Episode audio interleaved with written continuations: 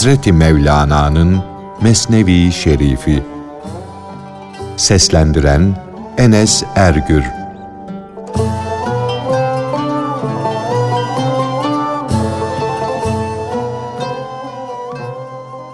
Biri iki gören Kaş şehrindeki garibe benzer. O garibin adı Ömer'di. Bu yüzden Şiiler ona ekmek vermiyorlar, bu dükkandan o dükkana göndermiyorlardı. Bütün dükkanların Ömer'e ekmek satmamak bakımından bir olduğunu anlayamıyordu. Ben yanlış söyledim, adım Ömer değil diyeyim de tövbe edeyim. Şu dükkana gider, böyle dersem yalnız o dükkan değil, bütün dükkanlardan ekmek alabilirim. Fakat böyle demez de yine adım Ömer olarak kalırsa bu dükkandan başka bir dükkana gitsem faydasız. Hepsinden de ekmek alamam. Ekmekten mahrum kalırım. Çünkü ben şaşıyım. Dükkanları birbirinden ayrı sandım.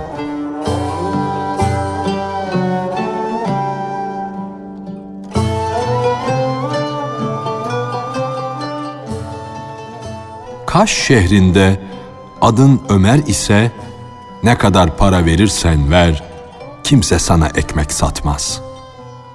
Bir dükkana gittin de benim adım Ömer'dir, kerem edin, bu Ömer'e ekmek satın deyince dükkancı öbür dükkana git der.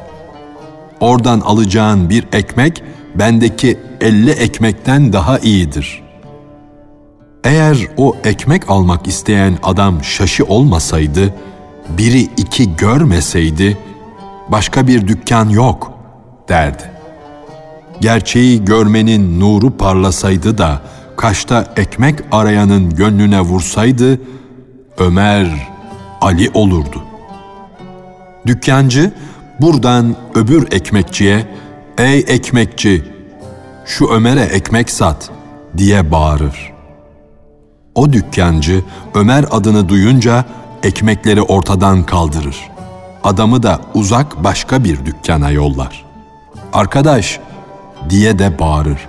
Şu Ömer'e ekmek ver. Yani sesimden ne demek istediğimi anla demek isterdi.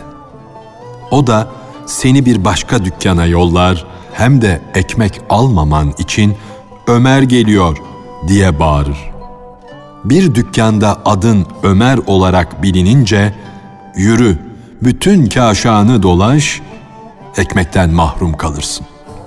Eğer bir dükkanda benim adım Ali'dir dersen oradan zahmetsizce hatta parasız ekmek alabilirsin. Biri iki gören şaşı ekmek bulmaktan, karnını doyurmaktan mahrum kalmaktadır. Halbuki sen zavallı biri on görüyorsun. Sen nelerden nelerden mahrum kalıyorsun.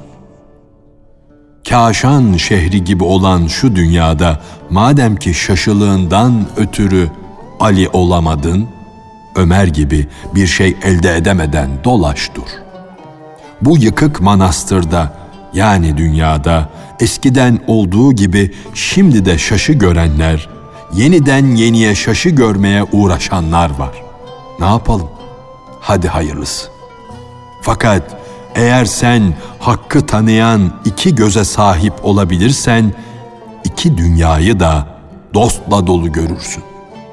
O zaman ümitle, korku ile dolu olan kaşanda yani dünyada oradan oraya gönderilmekten kurtulursun.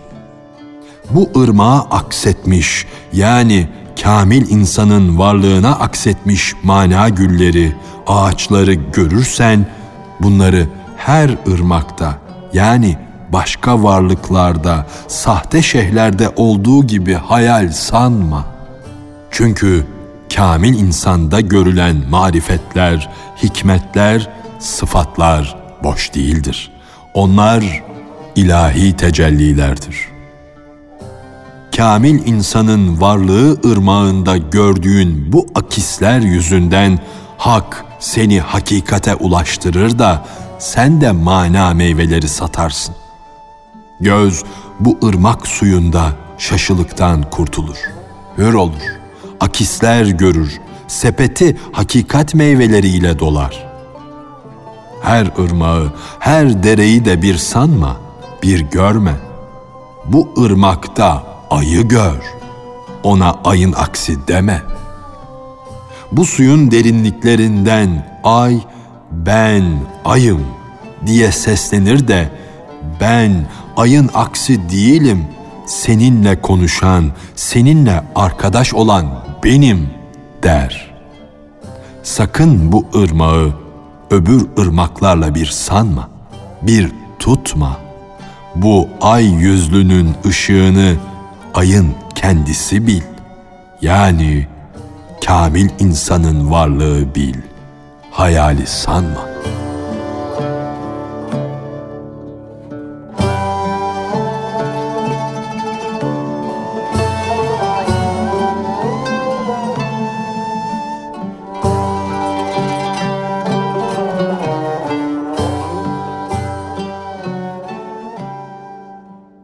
iyilik edene, ihsanda bulunana teşekkür etmek, Allah'a şükretmektir.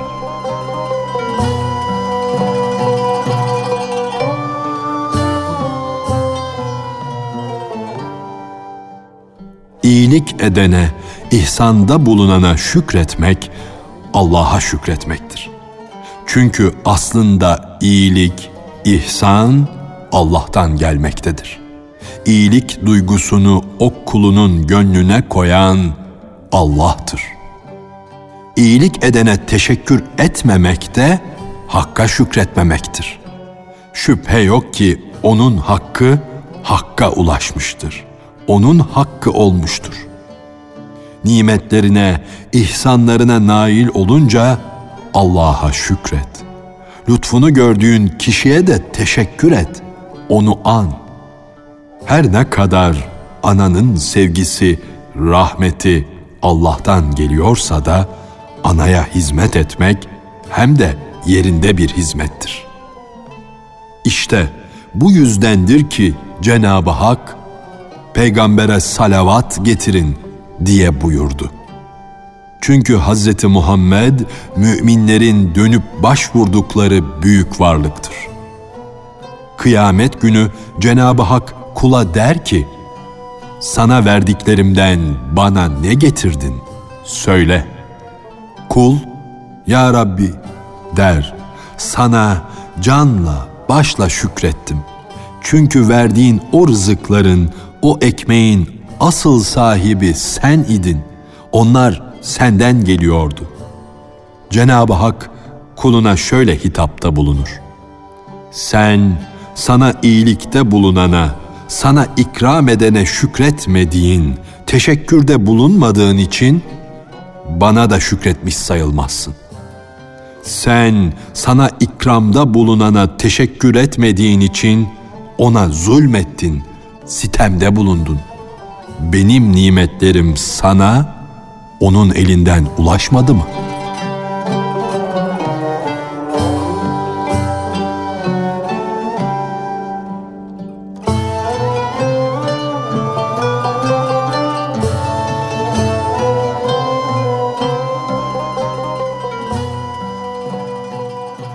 Allah hiçbir peygamber göndermedi ki çobanlık etmemiş olsun.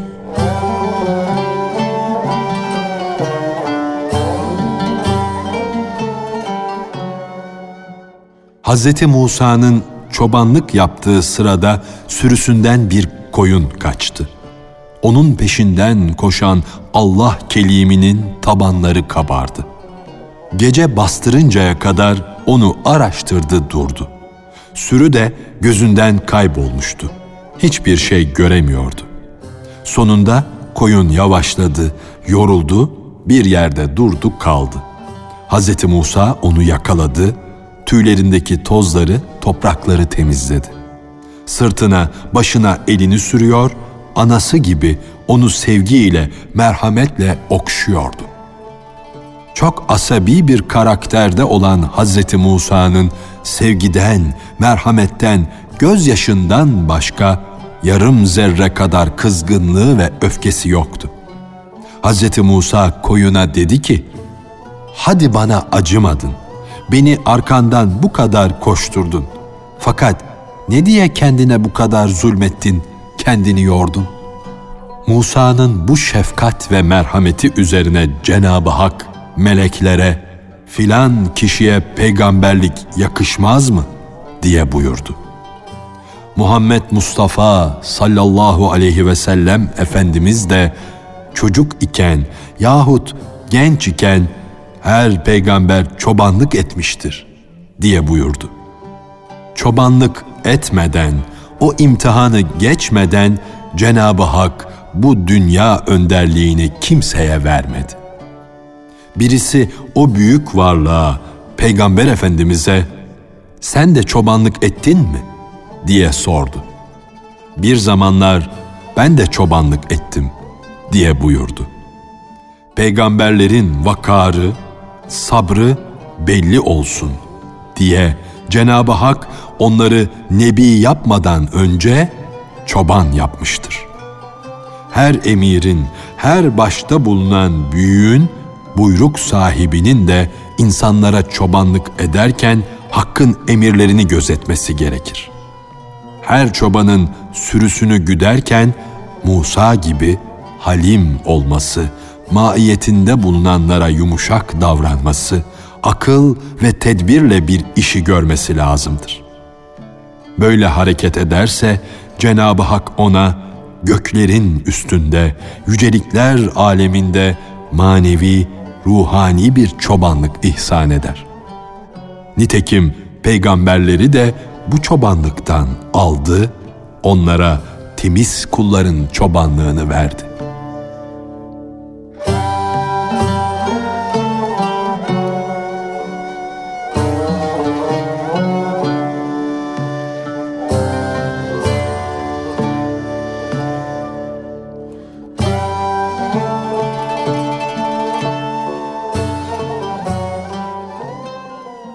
O nerededir?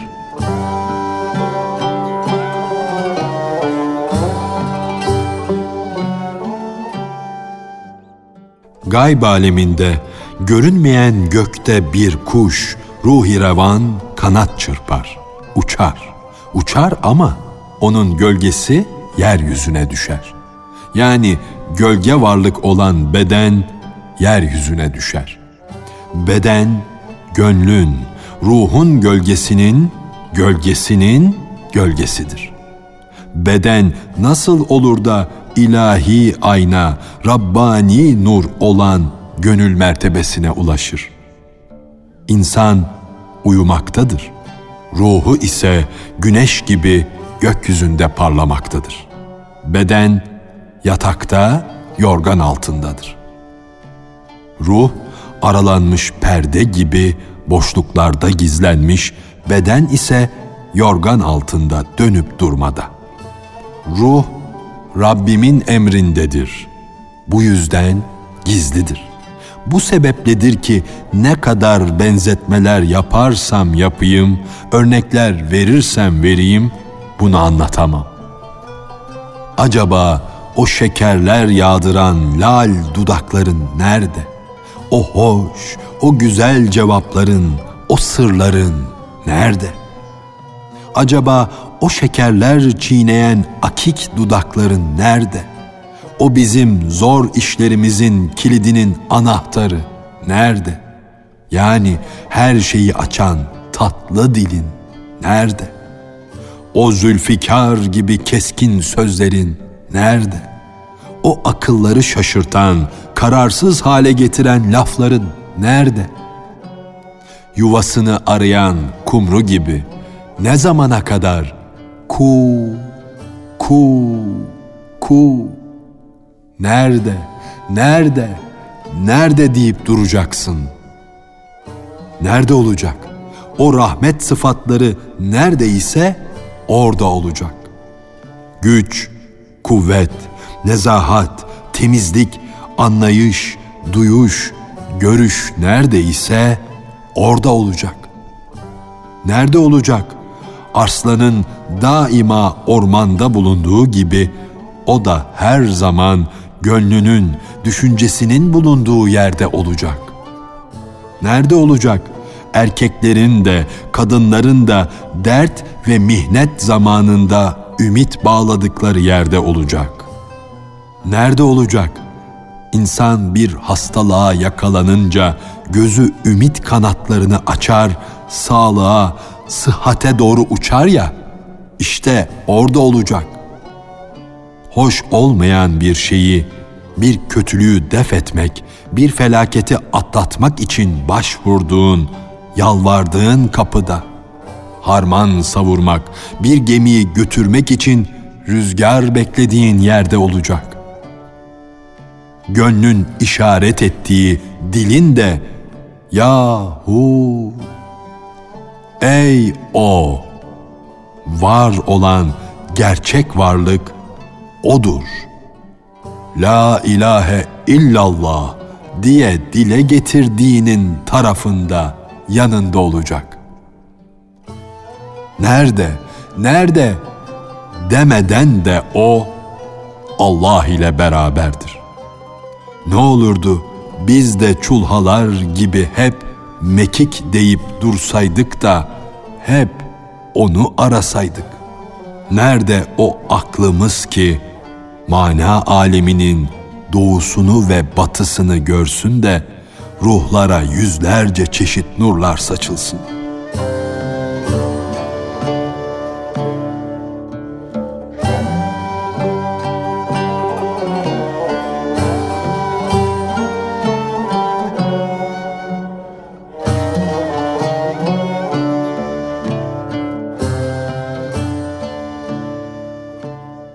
Kabı sakanın elinde olmasaydı kendiliğinden nasıl dolar boşalırdı?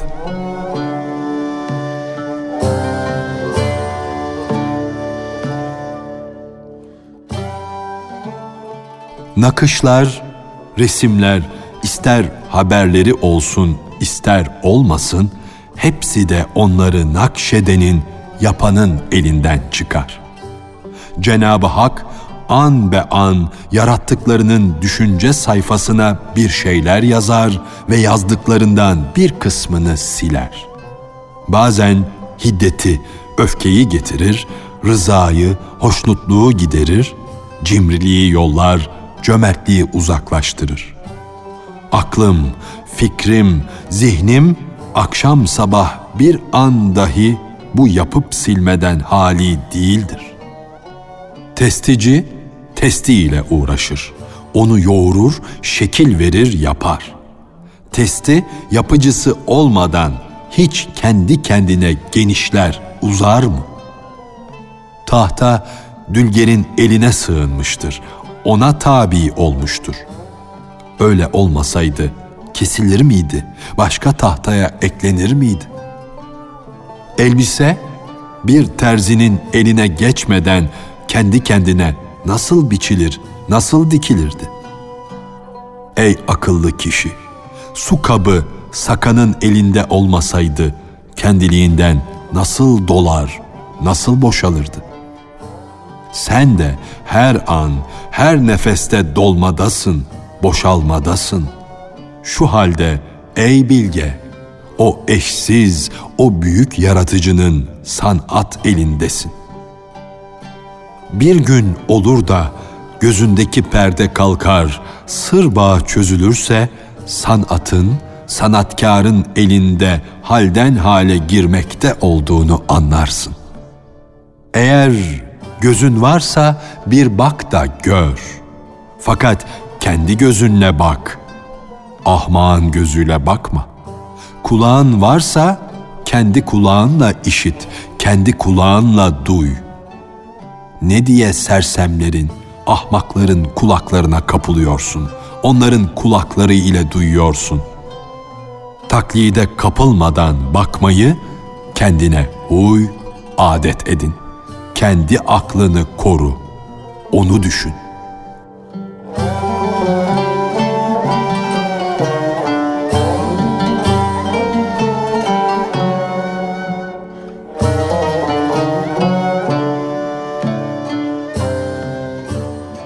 Hazreti Mevlana'nın Mesnevi Şerifi.